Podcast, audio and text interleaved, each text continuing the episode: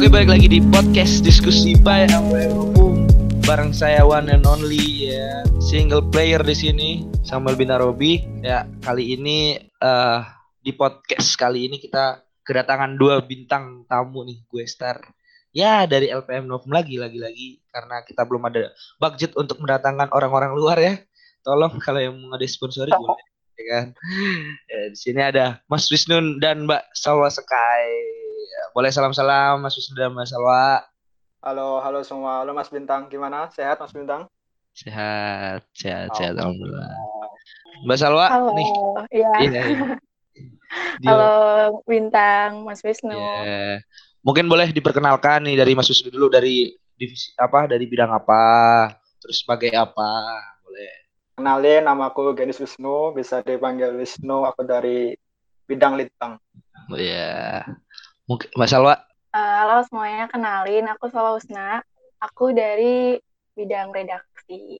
Gitu. aduh, gokil gokil. Aku merasa insecure nih di antara dua orang pinter ya kan. Kali ini kita akan membahas nih mengenai korupsi di Indonesia ya kan.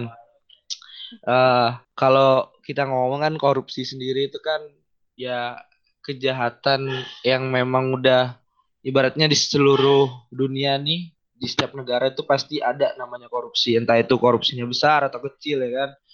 Nah korupsi ini adalah salah satu bentuk kejahatan kalau di kriminologi nih namanya white collar crime kejahatan dasi putih ya ya kan? Karena banyak orang-orang yang yang melakukan korupsi ini adalah orang-orang yang pejabat orang-orang yang memiliki kekuasaan gitu loh. Nah eh aku mau tanya-tanya nih ya kan bertukar pikiran aja nih sama Mas Wisnu dan Mas Salwa kira-kira sebenarnya apa sih yang membuat eh, korupsi ini akhirnya mengakar di Indonesia dan menjadi budaya lah di Indonesia tuh kira-kira gimana? Dari mungkin yang muda dulu Mbak Salwa silakan.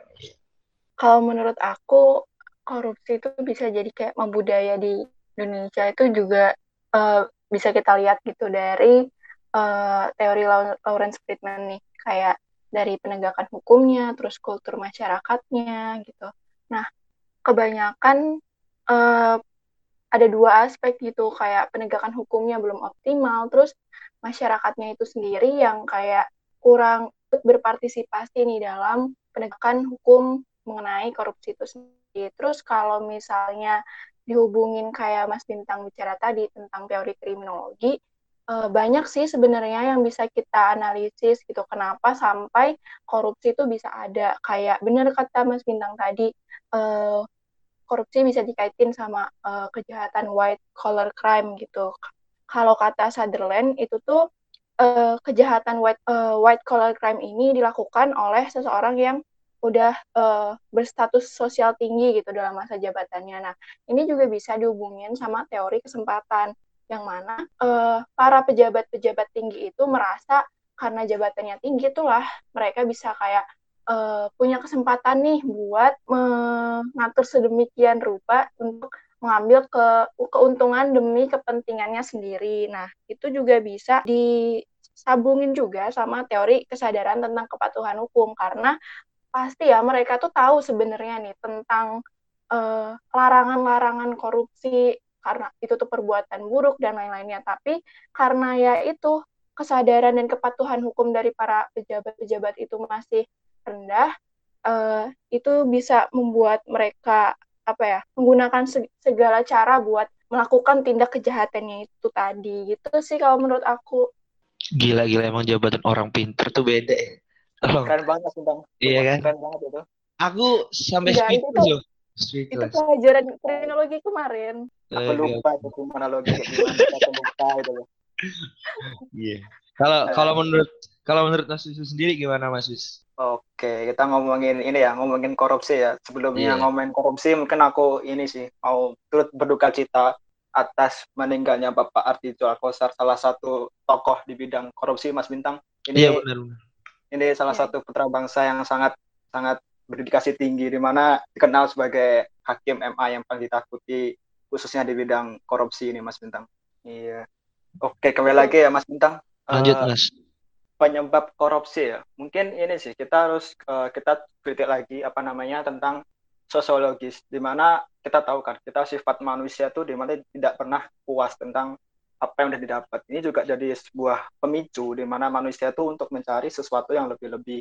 Salah satunya tadi yang dibilang sama Mbak Awak tadi tentang wet collar crime, di mana itu tadi orang-orang yang dirasa mempunyai kebijakan, mempunyai jabatan, dia merasa dirinya itu berwenang. Sehingga hal-hal inilah yang mengakibatkan timbulnya suatu korupsi.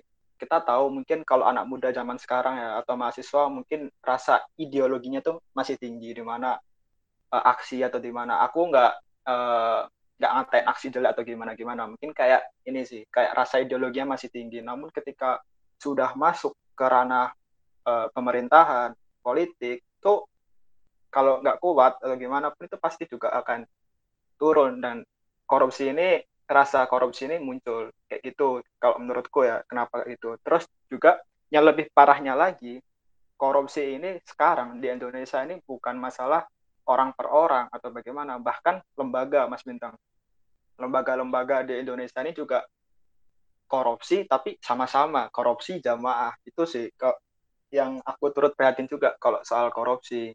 Itu sih. Yang jelas pasti mereka ada ada ada kewenangan ada jabatan ada kesempatan juga. Tadi yang dibilang sama Mbak Awa dengan teori-teorinya itu. Ini kalau menurut aku Mas Bintang. Iya yeah, yeah. Oke lumayan lah, nggak nggak terlalu ngebanting lah ya dari Mbak Salwa tadi ke Mas masih bagus. Wadidaw. Waduh. gitu. Enggak, soalnya tadi Mbak Salwa udah Mas Zalo udah memberikan standar yang tinggi gitu. Nah, kan tadi kan kita udah ya ngobrolin tentang itu tadi lah ya kenapa bisa mengakar. Nah, uh, kalau kita apa ya breakdown lagi secara historis sendiri kan uh, emang KKN lah kalau kita ngomong ya. Tapi korupsi itu kan bagian dari KKN korupsi itu udah menjadi ibaratnya itu tadi benar budaya di Indonesia. Kalau bisa kita bilang uh, era kepemimpinan Pak Soeharto itu banyak media yang mengatakan bahwa korupsi itu adalah Indonesia gitu loh. Di mana waktu itu ya memang Indonesia sampai mengalami inflasi karena adanya korupsi sendiri.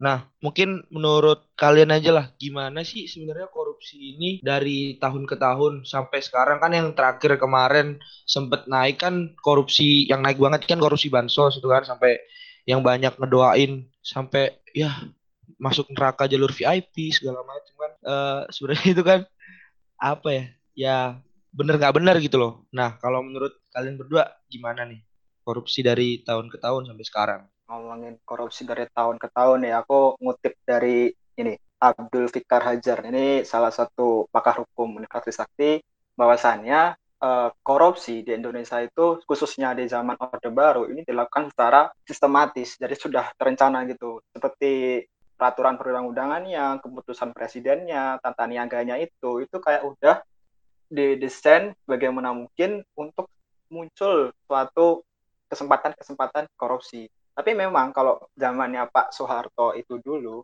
kata bapak-bapak kata mbah saya, kata bapak-bapak saya itu memang gak kelihatan. Dalam artian kalau di masyarakat kecil kelihatannya aman-aman aja gitu loh. Tapi kalau atasnya lagi itu banyak korupsi. Itu kalau menurut kata bahasa saya sih, itu kan makanya ada slogan, ye isih enak zaman kura, kan gitu kan ya Mas Bintang ya kalau dulu ya.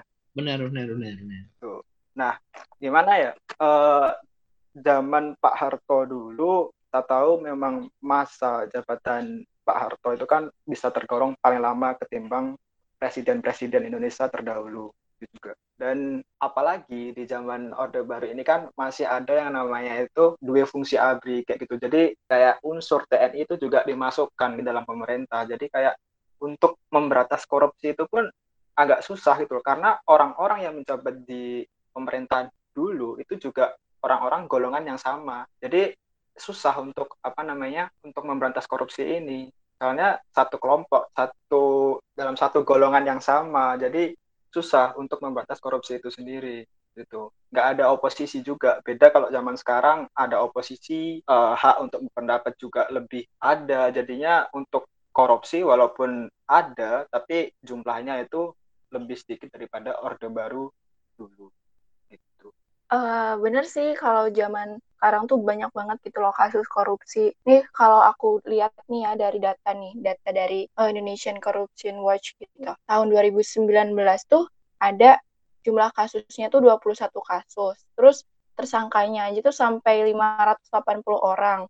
Terus jumlah suapnya tuh sampai 200 uh, miliar. Terus kalau di kasus jumlah pencucian uang tuh 108 miliar. Nah, terus juga dari data ICW itu ada beberapa kasus gitu loh yang belum sampai teratasi kayak kasus-kasus besar so, kayak Jiwasraya, Senturi, BLBI, Pelindo, terus uh, eh, IKTP. Nah, itu banyak banget gitu kasus-kasus besar yang sampai sekarang itu belum bisa teratasi gitu di Indonesia. Nah, itu yang membuat kayak peringkat Indonesia kalau dari data Rule Out Law Index tahun 2019 tuh uh, Indonesia tuh menempati peringkat ke 62 dari 126 negara dari uh, bebas korupsi. Kayak di bawah banget gitu loh peringkat Indonesia tentang uh, korupsi. Karena ya itu tadi kata Mas uh, Wisnu bener banyak marak banget korupsi di Indonesia gitu. Itu sih kalau dari aku bintang. Sangat disayangkan aja.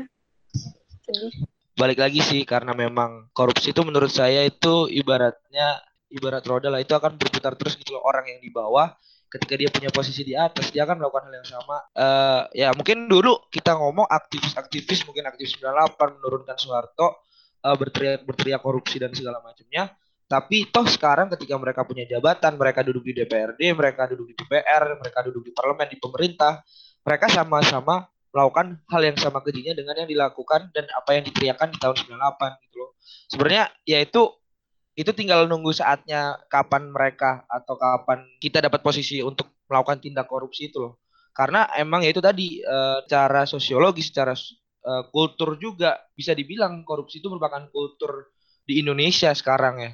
Karena e, beda dengan negara-negara lain mungkin kalau di kalau yang aku dengar tuh kalau di Jepang tuh kalau memang ada yang sampai menjadi tersangka aja korupsi itu mereka langsung kayak keluar atau mengundurkan diri. Bahkan ada yang sampai harakiri, harakiri. Oh, ya, ya berani harakiri gitu loh. Kayak ya memang harus nilai untuk anti korupsi dan nilai kejujuran di Indonesia ini harus mulai ditanamkan lagi gitu loh. Karena ya korupsi karena karena sekarang udah jadi kultur ya tinggal nunggu aja mungkin nanti Mas Wisnu kalau misal duduk dan punya kesempatan juga akan melakukan sama mungkin aku juga gitu wow. gak ada yang gak ada yang tahu karena ya memang itu tadi memang korupsi merupakan kejahatan yang kalau kata aku nggak mungkin gerak sendiri pasti ada orang-orang di sekitarnya pasti orang yang baik pun kalau memang berada di lingkungan yang jelek dia bakalan ketularan itu aja sih kalau menurut aku karena ada dorongan dan kesempatan Benar. Lagi kita bilang kayak gini, kita bilangnya tuh oknum ya Mas Bintang ya, oknum ya. Benar, bukan benar. Kita bilang DPR, pemerintah, uh, uh. bukan semuanya tapi oknum. Oknum, oknum di Dan sana. salah persepsi. Benar, benar. Tapi ya kebanyakan ya memang. Gitu. Adidaw. Gak apa-apa. Gak apa gak apa Nanti. Nah, kita kan di sini kan kebetulan nih anak hukum nih, ya kan. Kurang afdol kalau nggak bicarain tentang hukum. Nah, sebenarnya kalau secara hukum sendiri kan ada tuh undang-undang tipikor ya kan yang mengatur mengenai tindak pidana korupsi. Nah, sebenarnya di mana sih kan meskipun ada nih, tapi kadang undang-undang tipikor ini ya masih kurang memberikan efek jerah lah bagi uh, terpidana-terpidana korupsi gitu loh. Bahkan kalau mungkin orang-orang yang melakukan tidak korupsi itu masih belum takut dengan undang-undang gini tuh. Nah, menurut kalian nih, uh, Mas, mungkin Mas Wisnu juga Mas Salwa, di mana sih eh, pasal-pasal atau undang-undang yang kurang maksimal gitu loh, atau lemah uh, dalam menangani kasus korupsi ini gitu loh? Emang sih kalau buat korupsi itu sendiri kita udah punya undang-undang gitu yang mengatur tentang gimana penanganannya, sanksi, hukuman dan lain-lain.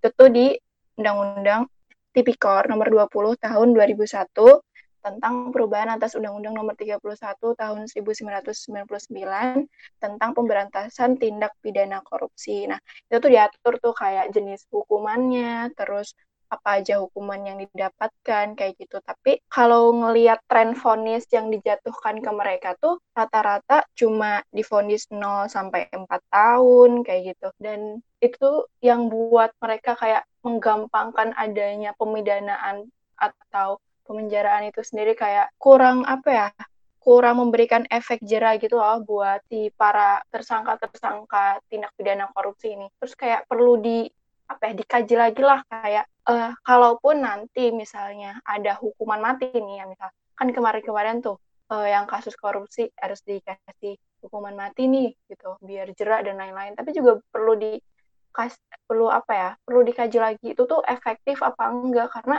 apa ya kayak ada uh, yang bilang kalau mereka itu sampai uh, nggak takut mati gitu untuk melakukan tindak pidana korupsi gitu. Jadi mungkin uh, kita juga perlu mikirin bareng-bareng gitu loh. Apakah selama ini tuh sanksi-sanksi yang diberikan tuh emang udah ngasih efek jerah atau belum?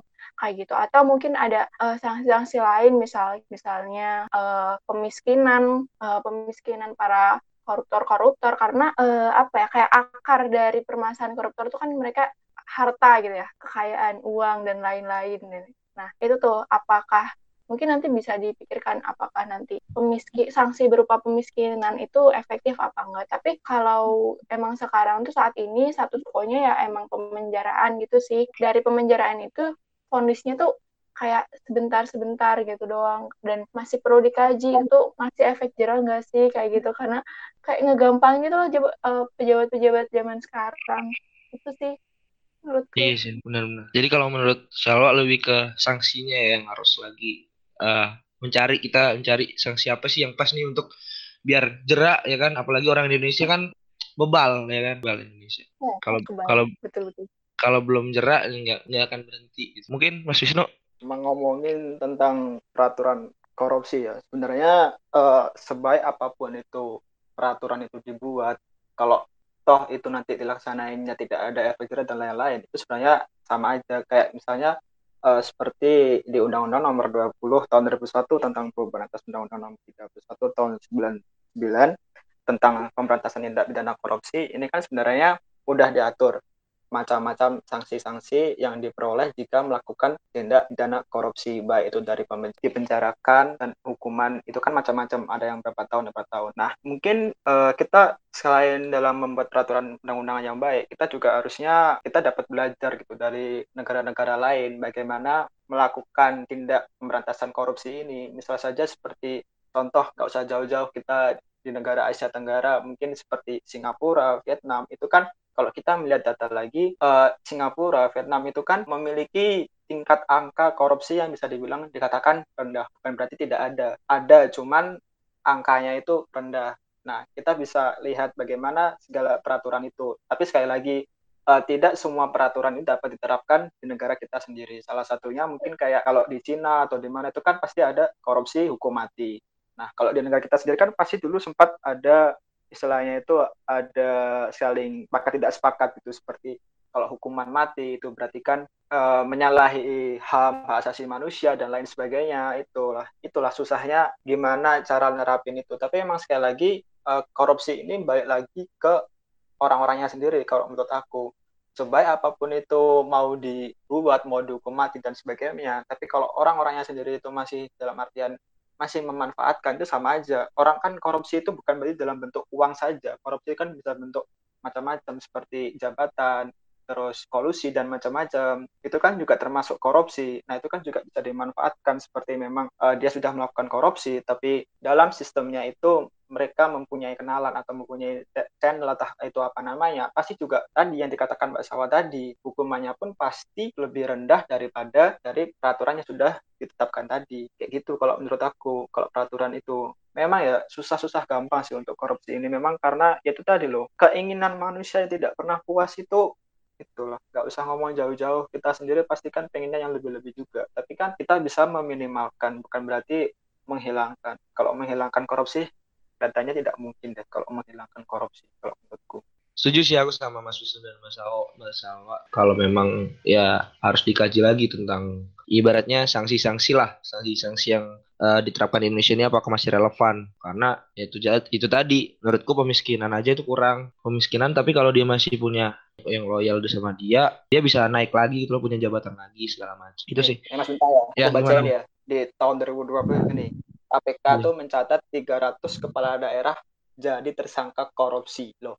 Waduh, 300. Mulai dari kepala daerah. Itu kan berarti kan udah di tingkat apa namanya kota dari, dari bawah kan, gitu kan Iya. Dari bawah. Gak usah jauh-jauh lah. Aku di Madiun ini ya. Aku di Madiun ini ya. Itu wali kota mantan wali kotanya itu dulu juga kena korupsi. Benar. information aja sih. Ah, ya kalau kita ngomong tentang korupsi nih, pasti kan kita ingat sama yang namanya KPK. Kalau secara ibaratnya ya KPK ini adalah salah satu lembaga yang kita per, ibaratnya sekarang ini bisa kita percaya gitu loh untuk menangani korupsi. Nah, namun ya uh, ada beberapa mungkin kebijakan-kebijakan ya kan yang kemarin sempat meresahkan kita juga, meresahkan teman-teman sampai akhirnya ada tuh muncul hashtag-hashtag save KPK. Kalau kita tahu KPK kan sudah cukup lama ya berdiri gitu loh. Tapi ya korupsi ini nggak kunjung uh, angka korupsi itu nggak malah mengecil, malah meningkat gitu loh kalau kita lihat. Kalau dulu mungkin uh, zaman Soeharto yang korupsi ya itu itu aja gitu kan mungkin golongan-golongan itu aja. Tapi kalau sekarang kan lebih masif, lebih menyebar.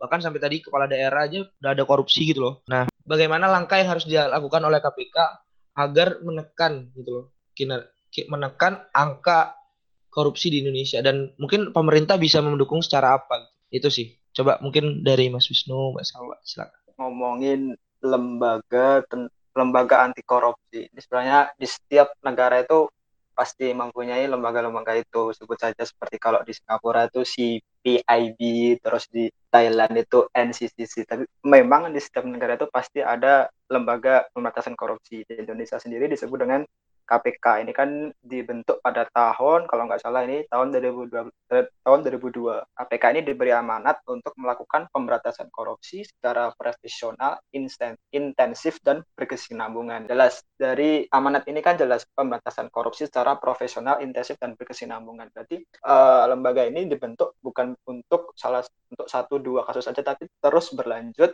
mengenai uh, korupsi-korupsi yang bakal ada gitu. Nah, uh, tujuan KPK ini kan sebenarnya baik. KPK ini untuk mantas korupsi. Namun kan kita tahu sejak jalannya waktu itu kan baik, namanya sering banget peraturan KPK ini direvisi. Mulai dari apa namanya? Mulai dari prosesnya yang dulu itu boleh langsung menyadap pembicaraan itu kan. Terus kalau sekarang itu harus izin atau gimana?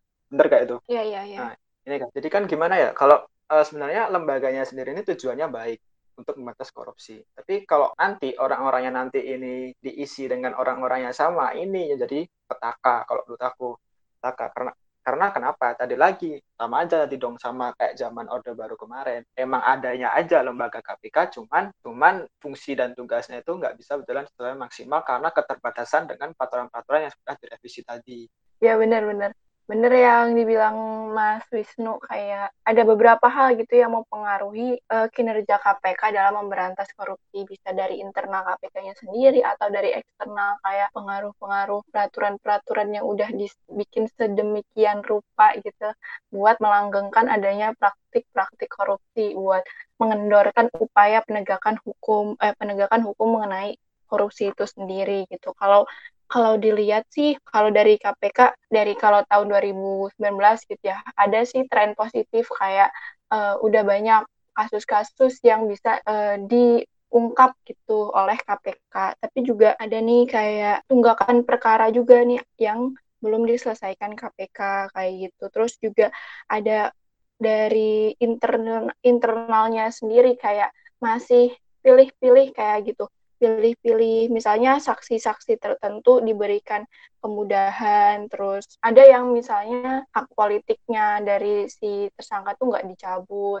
dan lain-lain kayak gitu. Nah itu sih mungkin yang kayak apa ya jadi hambatan gitu buat KPK-nya sendiri buat nyingkap kasus korupsi gitu. Terus sampai ada wacana kan karena misalnya KPK ini nggak efektif nih ada gitu uh, sampai kemarin dibikin adanya Dewan Pengawas KPK ya kan tahun berapa tuh? Benar banget iya, itu. Iya, nah itu. Itu saking apa ya? Sebuah kritikan lah gitu buat KPK itu sendiri selama ini gimana efektif apa enggak karena uh, tapi juga nimbulin pro kontra gitu. Seorang lembaga independen perlu enggak nih ada pengawas kayak gitu. Tapi bisa kita lihat juga uh, tren positif dari adanya Dewan Pengawas ini ke depannya gitu loh. Itu sih kalau menurut aku sih.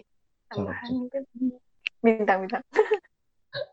Kalau aku sih uh, setuju dengan apa yang tadi diomong Mas Susno dan Salwa sih. Uh, ya memang perlu ada lagi gitu loh. Uh, kalau menurut aku secara personal KPK perlu ada gebrakan-gebrakan baru. Gitu. Uh, mungkin uh, karena mungkin sekarang ada dewan pengawas dan sebagainya, mungkin harus cari alternatif gitu loh. Ibaratnya ya kalau satu pintu ditutup harus cari pintu lain gitu loh untuk gimana sih caranya untuk menangani korupsi kalau menurutku uh, koruptor-koruptor sekarang udah makin pintar uh, makin tahu gimana langkah-langkah yang biasanya KPK tuh kayak gimana sih menyelidiki korupsi. apalagi sekarang ada badan pengawas mungkin gerakannya nggak nggak leluasa seperti dulu ya kan. Itu sih kalau dari aku. Terus saya berharap pemerintah tuh bisa memberikan support gitu loh terhadap KPK sendiri. Karena ya salah satu yang bisa dan mampu menurut saya untuk menangani korupsi-korupsi di Indonesia ya cuma KPK gitu loh sampai sekarang. Karena kalau diomong mengenai aparat mungkin polisi segala macam ya ya uh, angka kepercayaannya itu masih kurang dari masyarakat Oke, kalau tadi kita udah ngebahas KPK nih, ya kita berharap semualah KPK itu bisa tetap memperjuangkan ya, apa yang harusnya kita dapat, tapi nggak dapat karena dikorupsi. Nah, uh, kita kan sebagai generasi-generasi muda nih, pemuda-pemudi Indonesia ya, yang uh, selalu selalu digadang-gadang sebagai agent of change, ya kan, perubah membuat perubahan. Nah, kira-kira partisipasi dan peran kita sebagai pemuda nih harus bagaimana dalam mengurangi kalau bisa menghentikan korupsi di Indonesia itu ngomongin soal peran generasi muda.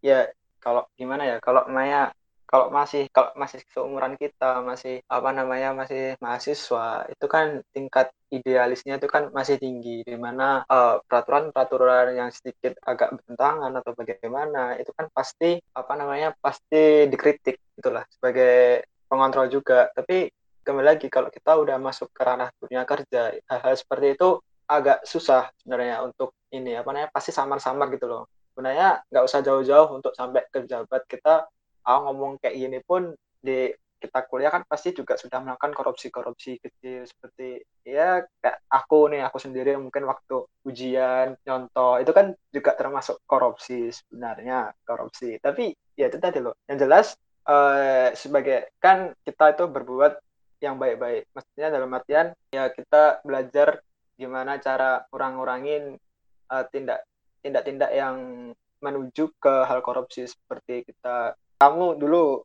kecil itu kalau Maya dikasih duit itu kan pasti disuruh kembaliin lima ribu tapi kembaliannya kembalinya sepuluh ribu kan pasti kamu ambil gitu kan. Ya itu tadi loh. Kita mulai sekarang ya dikit-dikit lah hal-hal kecil hal-hal kecil itu kita jauhin mungkin kalau kita nanti udah dewasa atau masuk ya udah dewasa sih. Maksudnya kalau masuk ke dunia kerja atau mungkin mulai dari langkah kecil mamanya kalau emang ada kasus uh, indikasi korupsi ya kamu jangan ikut-ikut. Itu kan kayak istilahnya udah ya apa ya sedikit sedikit mengurangi sedikit lah. Yang jelas untuk korupsi untuk hilang itu nggak nggak bakal hilang. Pasti ada tapi kan bisa dikurangi itu tadi. Yang jelas ya lawanlah lawanlah hal-hal kayak gitu. Ikutilah hati nuranimu. Ini kan adalah hati-hati nurani kecil yang ada di hati masing-masing untuk tidak ini tidak itu. Nah itu kita tumbuhkanlah rasa-rasa seperti itu. Godaan tuh pasti ada cuman kan bisa lah benar sih yang dibilang sama Mas Wisnu tadi ya. Uh, apa ya kayak tidaknya kita meminimalisir lah jalan kita menuju ke sana ke korupsi kayak gitu Nah, kalau ngomongin anak muda juga, lagi kita anak hukum ya, udah tahu gitu loh peraturan-peraturan, udah tahu sanksi-sanksi uh, mana yang benar, mana yang enggak, dan lain-lain sebagainya itu. Terus tinggal gimana kita implementasinya sih uh, ke kehidupan sehari-hari gitu. Kalau misalnya yang kecil aja dari yang kecil tahu gitu mana yang hak kita, mana yang bukan hak kita. Nah, itu uh, kayak ini tuh seharusnya bukan punya kita, jadi kita nggak boleh ngambil kayak gitu. Nah, dari situ sih kalau kita tahu apa yang jadi punya kita,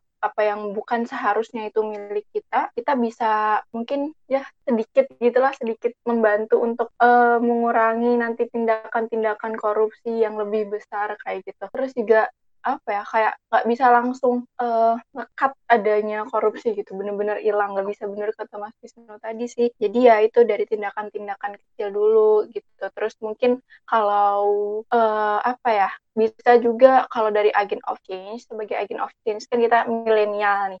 Ya kita bisa manfaatin media-media sosial yang ada buat uh, menyuarakan tentang itu tentang korupsi kayak gitu. Terus juga bisa kayak kalau apa ya bisa buat kayak semacam diskusi ngelibatin para ahli, para tokoh-tokoh publik tentang uh, buat gimana sih biar kita melek terhadap uh, buruknya tindakan korupsi ini, biar gimana sih biar minimal mencegah, meminimalisir kayak gitu. Bisa kayak kita buat ruang-ruang diskusi di kayak webinar online nasional dan diskusi diskusi diskusi kayak gini juga yang buat bisa kita ngerimain gitu loh ngerimain oh ini nggak bener ya ternyata gitu jadi tetap harus apa ya dari dalam juga dari luar kayak gitu biar bisa kita on track di jalan yang lurus susah sih sebenarnya ya tapi gitulah kalau menurut aku kita ngomong kayak gini bukan berarti udah kayak ahli, hmm. udah kayak ini. Ya, kan kita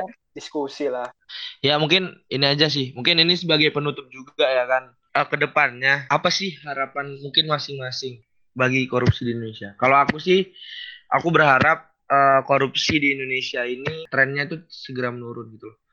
Uh, aku berharap juga ke depannya mungkin kita ya, mungkin kita yang bisa dibilang tadi agent of change, pemuda-pemuda juga yang mungkin di bawah kita juga anak-anak yang masih uh, dini-dini yang masih punya golden age dan segala macamnya yang masih duduk di bangku sekolah lah pendidikan kita dapat membawa perubahan itu buat Indonesia. Terutama perubahannya di sini adalah mengurangi budaya korupsi. Uh, aku berharapnya ya itu intinya adalah aku berharap ke depannya KPK pemerintah itu dapat bekerja sama gitu loh untuk menghilangkan korupsi. Ya nggak bisa menghilangkan sih pasti mengurangi gitu, mengurangi korupsi di Indonesia. Ya kita peran kita ya adalah dengan uh, melakukan langkah-langkah kecil kayak misalnya tadi benar diskusi terus kita mulai menanamkan nilai-nilai kejujuran dalam diri kita. Kita mulai dari yang kecil aja lah nggak korupsi waktu ya kan? Nggak korupsi uang receh-receh. Itu merupakan suatu langkah-langkah kecil aja sih. Kalau aku itu aja. Mungkin buat Mas Wisnu atau Mas Salwa. Yang yang jelas itu kan pasti kan harapannya ya pasti berkurang kan. Maksudnya pasti berkurang korupsi. Karena kan salah satu ciri negara maju itu adalah tingkat korupsinya yang cenderung rendah. Beda sama negara-negara yang sedang berkembang, yang belum memiliki sistem kelembagaan yang baik, pasti tingkat korupsi itu biasanya relatif tinggi dibanding dengan negara-negara yang maju. Karena gimana ya, korupsi itu semacam ini loh, menghancurkan sendi-sendi negara, pemerintah dan masyarakat gitu. Dan korupsi itu kalau diibaratkan sesuatu itu kayak diibaratkan penyakit menular gitu loh, yang menjalar pelan-pelan, dikit-dikit, tapi mematikan, menciptakan kerusakan yang sangat luas, khususnya di masyarakat. Korupsi ini kan juga bisa ini ya, apa namanya, merusak demokrasi, merusak supremasi hukum, terus uh, mendorong pelanggaran-pelanggaran terhadap hak asasi manusia, mendistorsi perekonomian, seperti itulah, menurunkan kualitas kehidupan juga. Tuh, yang jelas uh, dampak dari korupsi ini nggak kecil gitu loh, besar. Itu kan juga pasti akan berkelanjutan di mana kayak negara juga pasti terlilit utang yang nggak bakal bisa langsung dilunasin. Kayak gitu kayak gitu gitu sih. Maksudnya kapan negara ini bisa maju kalau tingkat korupsinya tuh masih tinggi ya ya benar satu masalah ini bisa merembet ke permasalahan-permasalahan lain. Terus juga korupsi itu menderogasi hak-hak orang lain, hak-hak hajat hidup orang banyak masyarakat Indonesia. Jadi itu tuh kayak menciderai tujuan negara sama Pancasila itu sendiri gitu. Kita harus mulai mulai sadar sih. Nah, harapannya uh, benar semoga aja bisa berkurang lah sedikit demi sedikit kor kasus korupsi di Indonesia. Terus ya mulai dari kita sendiri gitu. Kalau bukan kita siapa lagi gitu aja sih. Yuk bisa yuk. yuk bisa, yuk bisa yuk. Yuk bisa yuk. Emang korupsi ini lawan kita bersama lah ya. Mungkin tadi pertanyaan tadi tuh sekalian menjadi pertanyaan dan harapan penutup dari podcast diskusi pada kali ini. Terima kasih Mas Wisnu Basawa. Jangan lupa buat teman-teman yang dengerin podcast ini juga bisa mampir di website Novum di novumpers.com, juga bisa di Instagram Novum di LPM Novum FONS dan juga tentunya mendengarkan podcast kita di berbagai media lainnya. Bisa di Spotify, bisa di banyak lah pokoknya. Kalian bisa cek sendiri, oke? Okay? Di Twitter juga di Twitter juga ada LPM ya, Novum. Gitu. Mau ngucapin selamat buat LPM Novum karena oh, majalahnya iya. udah jadi good oh, iya. winner. Iya, iya, iya. Keren banget. Apresiasi buat teman-teman redaksi. Oke, segitu aja. Uh, salam korupsi, eh salam korupsi. Salam anti korupsi. korupsi dong. Salam, salam anti korupsi. See you next time. Dadah. Thank you. Dadah, makasih semuanya.